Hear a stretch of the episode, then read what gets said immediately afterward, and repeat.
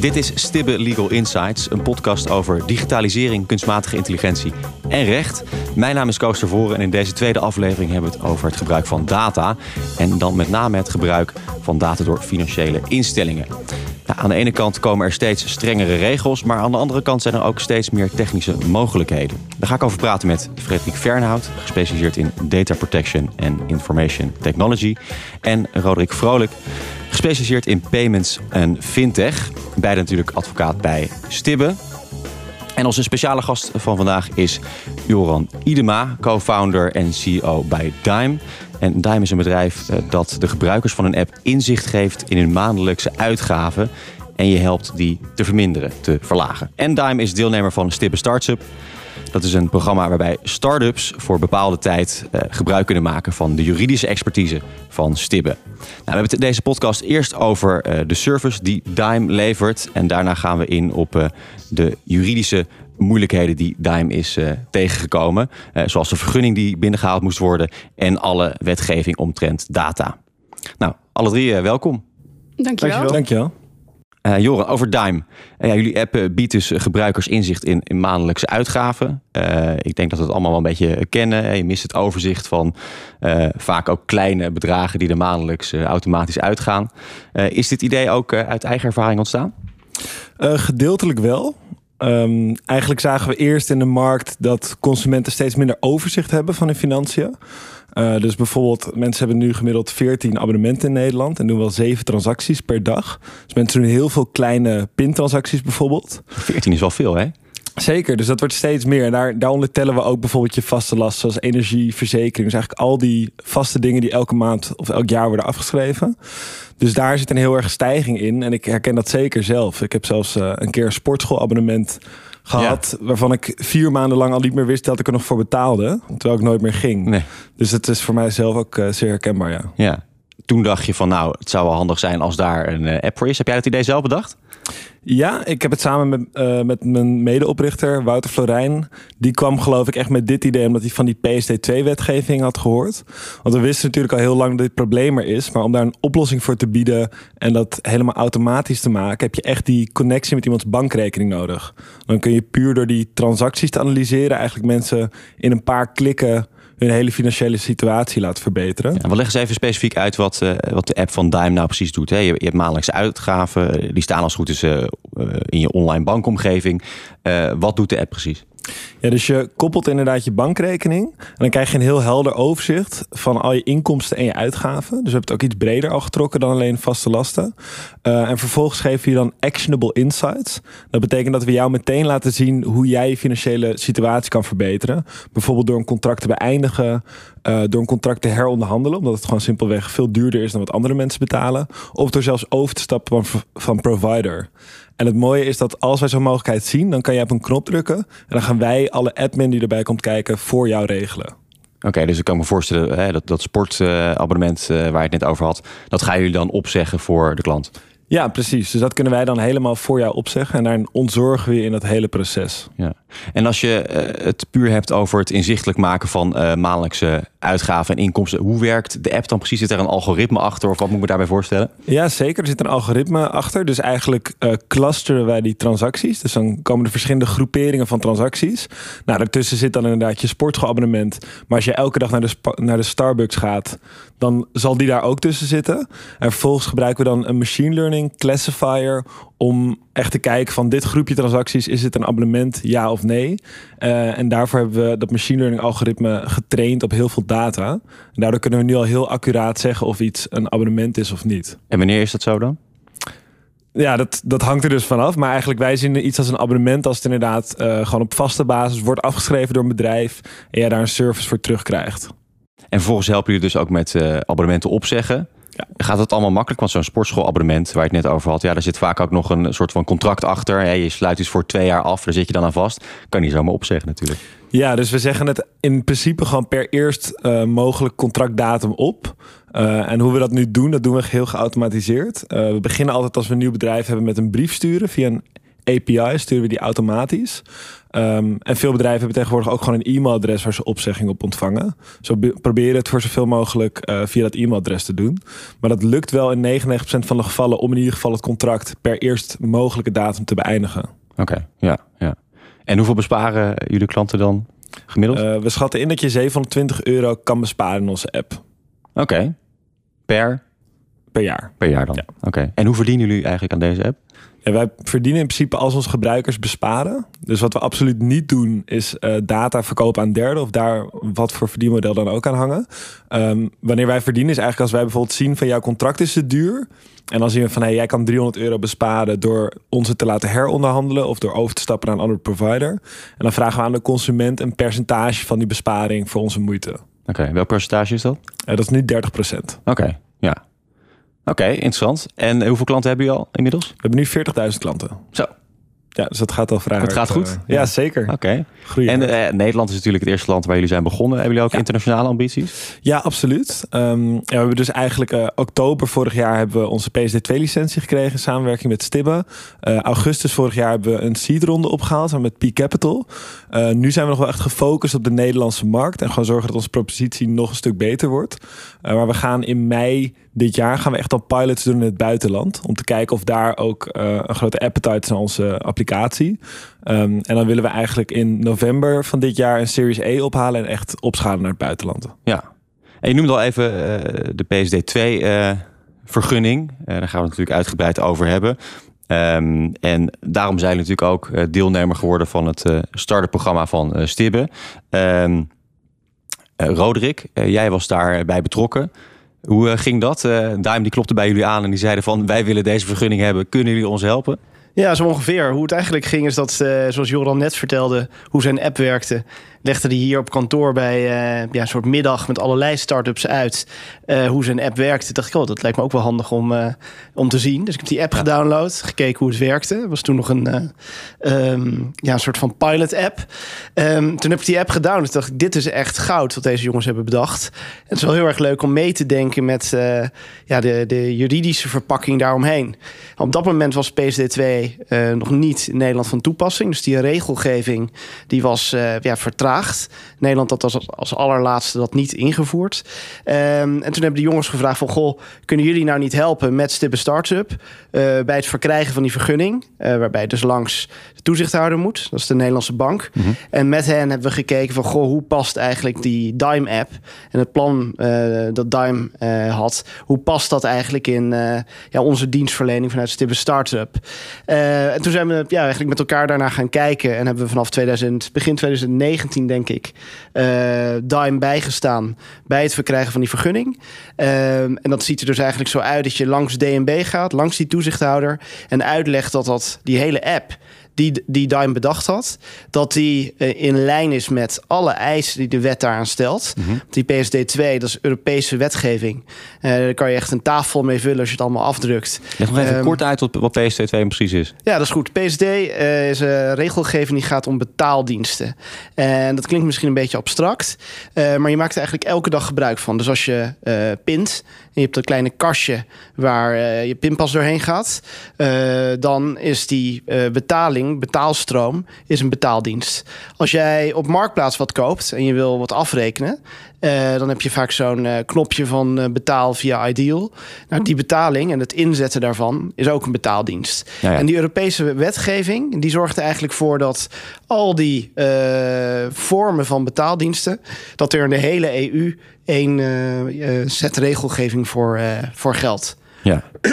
en um, hoe het dan werkt, is dat PSD2 al die regelgeving nog verder aanscherpt. Er was al regelgeving voor. Maar in de hele EU zegt, uh, er komt nog een groter aantal diensten onder die wetgeving te vallen. Uh, waaronder dus wat Duim van plan was, waarbij je uh, met je app uh, toegang krijgt tot je bankrekeningen. Ja. En de app van Dime inleest, als het ware, welke betalingstransacties je allemaal doet. En als een soort van Excel-sheet dat opzuigt. En dan kijkt waar die besparingen kunnen worden gedaan. Nou, vroeger was dat niet uh, gereguleerd, dus kon je dat doen zonder vergunning. Ja. Maar met PSD2 in zicht moest Dime dus zo snel mogelijk die vergunning krijgen. Ja. Om te zorgen dat op het moment dat die PSD2 in Nederland van toepassing werd dat ze de juiste vergunning hadden. Waarom is die PSD2-vergunning eigenlijk uh, verzonnen? Uh, nou ja, je kan je voorstellen dat partijen zoals Dime, uh, er zijn er heel, heel veel van in Europa, best wel gevoelige data tot hun beschikking krijgen. Als zij jouw Excel-sheet met al jouw betalingen, uh, als het ware, naar binnen halen. Dus stel dat jij, ehm, ja, er zijn allerlei persoonsgerelateerde data die je kan, kunt herleiden uit die betaalgegevens. Dus wat, wat voor sportabonnement heb je, wat voor verzekering heb je, misschien wel wat voor een geloof heb je als je een bepaalde overboeking doet naar, naar een kerk of naar een ander soort club. Nou, allerlei gegevens die, waarvan je eigenlijk niet wilt dat die zomaar aan een private partij uh, worden overgedragen. Daar krijgt zo'n uh, PSD2-vergunninghouder uh, toegang toe, zodra hij zijn vergunning heeft. En PSD2 zorgt er onder meer voor dat er een hele set eisen uh, van toepassing wordt, waardoor die gevoelige gegevens vervolgens niet zomaar kunnen worden misbruikt. En, en voorheen was het ook niet mogelijk om überhaupt die gegevens te krijgen, toch, van banken? Ja, dat is ook een goed punt. Dus dat is de negatieve kant, is dus dat er een vergunning komt om dat naar binnen te halen. Ja. De positieve kant is dat allerlei banken die de, waar jij rekeningen hebt, verplicht worden om die gegevens als het ware open te stellen voor zo'n betaaldienstverlener als Dime. dus PSD2 voorziet erin dat als jij een rekening hebt bij uh, Rabobank of bij ABN of bij allebei, uh, dat via die API als het ware toegang ja. wordt verkregen tot die betaalgegevens. Die worden ingeladen en je in je app kunt zien of je inderdaad een dubbelsport schoolabonnement hebt of uh, misschien wel heel erg veel streamingdiensten afneemt. Nou, Johan, even, terug naar jou. hebben jullie toen ook zelf onderzocht of jullie dat konden aanvragen? Ja, in het begin ben je daar natuurlijk wat naïver over. Dacht je, nou, even een vergunning aanvragen. Ja, uh, formuliertje invullen. Precies, dus toen hebben we daar even goed onderzoek naar gedaan. En bleek het uh, ja, best wel een proces te zijn. Um, en ik, ik ben het ook heel erg eens met wat Roderick zegt. Dat moet ook wel echt een proces zijn, want die data die is heel gevoelig. Dus dat realiseerden we ons ook wel. Um, en toen waren wij dus uh, ontzettend blij dat Stibbe ons hiermee kon helpen binnen het start programma toen we ja, kwamen. Want Roderick, eh, zij wilden dus die uh, vergunning aanvragen, die PSD2-vergunning. Wat was daar dan uh, lastig in hun geval? Een van de uitdagingen was dat ja, de oprichters van Dime, anders dan heel veel andere cliënten van ons, niet uit die financiële sector kwamen. Dus ze zijn serial entrepreneurs die een aantal start-up hebben gehad en ook daar succesvol in waren. Ik geloof dat jullie eerste start-up ging om, om een fietsenverhuuronderneming. ja. Dus je kan je voorstellen dat als je die achtergrond hebt, dat een toezichthouder uh, misschien niet helemaal warm loopt. Nee. Voor drie jongens van uh, tussen de, wat waren jullie, 23 en 26? Zoiets. Ja. Uh, opeens allemaal betalingsgegevens van opvragen bij Jonge banken. gasten, ja. zonder ervaring in de financiële sector, komen langs bij een toezichthouder en zeggen: Ik wil een vergunning. Ik wil al die ge gevoelige data in mijn app laden. Nou, je kan je voorstellen dat dat op zichzelf al een hele horde is waar je overheen uh, moet. En los daarvan is die regelgeving geschreven voor ja, complexe, grote ondernemingen. Heel, heel ingewikkeld. En is het best ingewikkeld als jij from scratch begint als start-up... om dan al die eisen te voldoen, ja. ze allemaal te overzien... en te zorgen dat je alle groene vinkjes, als ja. het ware, zet... in die lijst van eisen. Nou goed, ze kwamen bij je aan. Hoe schatten je hun kansen in? Um, ik denk dat, dat ik ze relatief hoog inschatten. Uh, omdat uh, toezichthouder vindt het ook leuk dat een nieuwe uh, marktpartijen op die markt komen. Die, Lekker disrupten. Uh, ja, precies. En ik denk dat als je kijkt naar een disruptive partij, dan heb je liever. Uh, ja, drie jonge gasten die een heel leuk plan hebben en waar ja, die er goed over na hebben gedacht, dan uh, denk ik DNB een, zou kijken naar een Google of naar een Apple, die met een hele diepe, diep gevulde zak ja. met geld misschien heel andere plannetjes hebben met die data. Dus ik denk dat de gunfactor, ja. dat ik daarvan heb gezegd, nou ja, de kansen dat die vergunning lukt, zijn bij jullie wel groter dan bij een willekeurige andere partij die dit probeert. Maar, maar ik heb ook gezegd, ja, het wordt wel lastig, want je moet aan allerlei eisen voldoen. bijvoorbeeld kennis en ervaring in de financiële sector. En die hebben jullie gewoon niet. dus dat, ja, er zaten wel wat... Heeft jullie geen moment tegengehouden, toch? Nee, het heeft ons uh, in ieder geval niet weerhouden van het te proberen. Um, en ik ben heel blij dat het ook is gelukt. En ik, ik ben ook wel met Roderick eens dat vaak zijn het wel partijen zoals wij die die innovatie brengen. Omdat we ook een beetje van buiten de financiële sector komen er net iets anders naar kijken misschien. Ja. Maar toch moet je daar dan wel een goede case van maken, neem ik aan. Je moet wel met argumenten komen waarom ze het dan uh, toch zouden moeten kunnen doen. Wat heb je, uh, hoe heb je dat voor elkaar gekregen, Roderick? Um, ik denk dat het een hele goede wisselwerking was tussen het team van Dime en, en Stibbe Startup. Dus wat we hebben gedaan is dat je hebt een beperkt pakket binnen Stibbe Startup dat kon worden besteed aan de juridische dienstverlening aan Dime. Uh, dus niet een, een, onbeperkt aantal uren. Dus we hebben eerst heel goed gekeken wat kan Dime nou zelf doen en waar wordt het high-end en complex en moeten ja, Stibbe-advocaten meedenken om, om DNB over de streep te, te krijgen. Dus ik denk dat alle ja, hoe zeg je dat? De, de, de, de, de, de onderwerpen die uh, zonder al te veel juridische kennis uh, Dime zelf kon doen, Dime zelf heeft gedaan. En dat wij ons gewoon heel erg hebben gericht op de pijnpunten in, dat, in die set stukken die naar DNB ging. En hebben gekeken hoe kunnen we nou al die pijn, pijnpunten eigenlijk omzetten in uh, voorbeelden waar DNB van zegt: Oh ja, nu snap ik het. Ik denk dat een voorbeeld was. Op een gegeven moment zei DNB: Jullie moeten een, een, uh, een aansprakelijkheidsverzekering hebben. Uh, nou, er zijn hele hoge premies aan verbonden. En je snapt dat als je net begint met een onderneming, dat het laatste is waar je geld aan kwijt wilt zijn, is, is een dure beroepsaansprakelijkheidsverzekering. Ja. Dus daar hebben we met elkaar gekeken van goh, hoe kunnen we nou op een andere manier DNB comfort geven dat dit, uh, dat dit werkt. En daarbij uiteindelijk heel even te denken. Volgens mij was dat het punt waar we van hebben gezegd: Dime houdt meer kapitaal aan. Een soort van uh, houdt, houdt de pot met geld een beetje extra gevuld. En dat fungeert eigenlijk als voldoende zekerheid voor DNB. Dat als het misgaat, dat het. Uh, uh, dat ze daar verhaal op hebben. Zodat Dime niet die dure aansprakelijkheidsverzekering hoeft af te sluiten. Dus dat hey, denk... Stel, ik, ik ben uh, ook 23 jaar en ik heb, een, ik heb een goed idee voor een onderneming. is het goed te doen om zo'n vergunning te krijgen, zo'n PSD2-vergunning? Zou je het aanraden om daarvoor te gaan als je geen ervaring hebt? Of was dit toevallig gewoon een heel goed idee en lukt het daardoor wel? Mm, nou, ik denk dat, dat Dime een waanzinnig goed idee had. Dat ze er tijd mee hadden, omdat er ja, DNB eh, ook echt wel op zoek is naar zulke innovatieve partijen. Maar ik denk dat het nooit was gelukt zonder de manier waarop Dime zelf mee aan de slag is gegaan. Uh, ik, eh, ik heb ze zien werken en dat waren geen 9 tot 5 dagen. En de jongens wilden gewoon echt heel graag die vergunning hebben. Uh, en die hebben gewoon, ja, ik denk meer dan, uh, wat is het, 70 uur per week gewerkt om de, al die stukken en al die dingen maar te regelen. Nachten doorgewerkt, uh, Joran? Ja, zeker. We zaten toen nog uh, bij het Science Park, letterlijk in een uh, oude scheepscontainer. Um, oh. en daar hebben we wel wat nachtjes ja, ja. doorgebracht, zeker. Ja. Heb je toen niet, niet, ooit gedacht van, nou, ik zit hier in die scheepscontainer, allemaal documenten door te ploegen. Waar ben ik in vredesnaam mee bezig? Vaak, elke week. Oh ja? maar toch doorgegaan. Toch doorgezet. En ik denk om nog toe te voegen aan wat Roderick zei, dat wat Stibbe ook heel goed heeft gedaan, is ons ook wel een beetje uitleggen en leren wat het nou betekent om onder toezicht te staan. Uh, en wat inderdaad DNB verwacht, wat ze willen zien. En daar ja, ook echt een beetje education daarin. Hoe lang heeft het uiteindelijk geduurd voordat jullie die vergunning binnen hadden? Uh, we hebben oktober gekregen, januari begonnen. Dus, uh, oktober 2019 gekregen. Ja, dus tien maanden denk ik. Oh ja. Is dat gebruikelijk, Roderick? Ja, ik denk dat het wel gemiddeld is. Ik bedoel, het is lang als je zelf op zo'n vergunning zit te wachten. Uh, maar je moet je wel voorstellen dat je al die stukken moet maken. Nou, daar gaat een aantal maanden overheen. En er zit bij DNB iemand die niet meteen uh, zijn stempel erbij pakt en zegt dit is oké.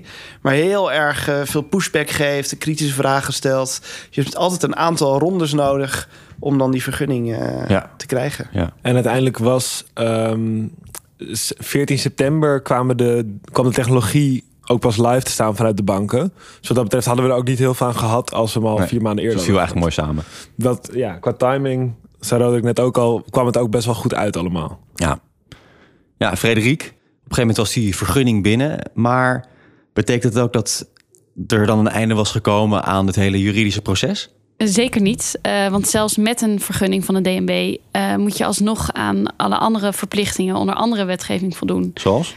Uh, zoals bijvoorbeeld uh, de Algemene Verordening Gegevensbescherming. Uh, dat is eh, een wet die ziet op het beschermen van persoonsgegevens. Hoe streng is dat daadwerkelijk gereguleerd voor dit soort bedrijven? Um, de AVG-regelgeving die is strikt voor iedereen. Um, dezelfde normen die gelden in beginsel voor elk bedrijf, elk bedrijf, wie dan ook, uh, die met persoonsgegevens omgaat. Um, maar deze financiële dienstverleners die hebben het gewoon net iets moeilijker. Omdat ze naast uh, aan de AVG te moeten voldoen, moeten ze ook aan de PSD2 voldoen. Uh, die ook ziet op de privacy van consumenten. Um, en daarnaast ehm, verwerken ze ook gewoon heel veel en veel omvattende persoonsgegevens. En ook gevoelige persoonsgegevens. Zoals gegevens over het inkomen en het bankrekeningnummer. Uh, maar daarnaast ook gegevens over het koopgedrag. Dus dat kunnen oh locatiegegevens zijn, bijvoorbeeld. Maar um, ook wanneer je een bepaald geneesmiddel afrekent. Um, of je lidmaatschap koopt van een, uh, van een bepaalde politieke partij. Of je een transactie doet met een seksclub bijvoorbeeld. Ja, of, dus ja. je kan je voorstellen dat dat heel veel, uh, dat het hele erg gevoelige gegevens kunnen zijn. Ja, en ook gegevens over uh, andere personen of instanties, kan ik me voorstellen. Ja. Want het zijn natuurlijk niet alleen maar je eigen gegevens, maar ook je doet vaak ja. een betaling aan iemand of iemand doet een betaling aan jou. Ja, precies. En daarnaast heeft dus de AP ook gezegd, en de AP is de autoriteit persoonsgegevens, dus de toezichthouder die echt ziet op het beschermen van uh, ja, persoonsgegevens. Die heeft opgemerkt dat er eigenlijk een trend is. Dus er, al sinds lange tijd is er een, ja, een uh, ontwikkeling waar te nemen naar een steeds verdergaande uh, digitalisering van um, het betalingsverkeer. Dus dat noemen ze de cashless society. Als ik er zo een beetje over nadenk, de AVG en PSD2, dan uh, versterken die twee elkaar of werken ze elkaar juist tegen? Hoe zit dat? Nou, dat, is, dat zie je ook wel. En dat is een van de, uh, de lastigste dingen hier. En dat zie je niet alleen op het gebied, op het snijvlak van de PSD2 en AVG, maar ook op het snijvlak van een heleboel andere rechtsgebieden. En dat is de zogenaamde clash van de toezichthouders of ja, clash van uh, uh, wetgeving en regelgeving. Ja. Dus de PST2 bijvoorbeeld is bedoeld om zo'n ja, zo'n nieuwe financiële dienstverlener mogelijk te maken. Dus om ja, innovatieve betaaldiensten te bevorderen. En uh, tegelijkertijd probeert die PSD2 een soort vertrouwen te bewerkstelligen van de consument. door in de wet te regelen wat je allemaal met die data van consumenten mag doen. Maar privacy en de bescherming van persoonsgegevens wordt in beginsel al door een andere wet geregeld. En dat rijmt soms niet helemaal. Uh, want die toezichttaak van de DNB die is echt gericht op het waarborgen van een stabiel financieel stelsel. En die toezichttaak van de AP die ziet echt op het beschermen van uh, ja, de privacy van mensen. Ja. En je ziet dat soms die, die uitleg van de wetgeving en de uitleg van de toezichthouders, dat die niet helemaal aansluiten bij elkaar. Hoe kan dat? Overleggen zij nooit? Uh, nou, ze hebben zelfs uh, een samenwerkingsprotocol ondertekend. Okay. Uh, in begin in februari 2019, geloof ik. Um, waarin ze ja, effectief en efficiënt toezicht willen houden. Maar alsnog komt het niet helemaal overeen. Um, en dat maakt het voor bedrijven die, die uh, producten aanbieden aan consumenten. en die dus aan meer, met meerdere uh, wet en regelgeving rekening moeten houden. en met ja, de mening van meerdere toezichthouders. maakt dat het gewoon heel complex.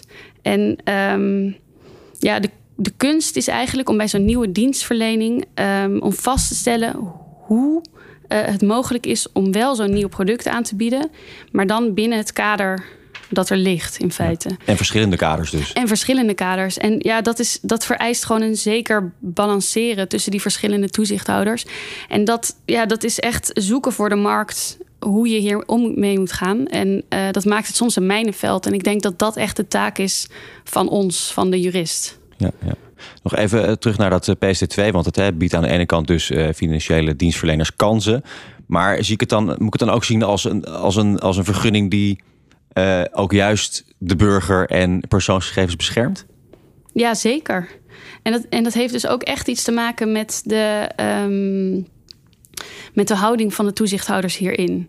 Dus wat ik, wat ik net al zei, is dat, dat er dus echt een verandering is. Je, er vindt echt een verandering plaats van dat gartalig geld, dus echt uh, uh, munten en bankbiljetten, naar giraal geld. Dus betalen met je pas of met je, met je telefoon bijvoorbeeld. En daardoor um, wordt het betalingsverkeer van personen wordt geregistreerd. Dus als je vroeger, als je gewoon met een geeltje uh, kaas kocht op de markt, dan werd dat niet vastgelegd. En nu wordt steeds meer al de betalingen die je doet, zoals eigenlijk Joran ook al zei, die worden gewoon allemaal vastgelegd.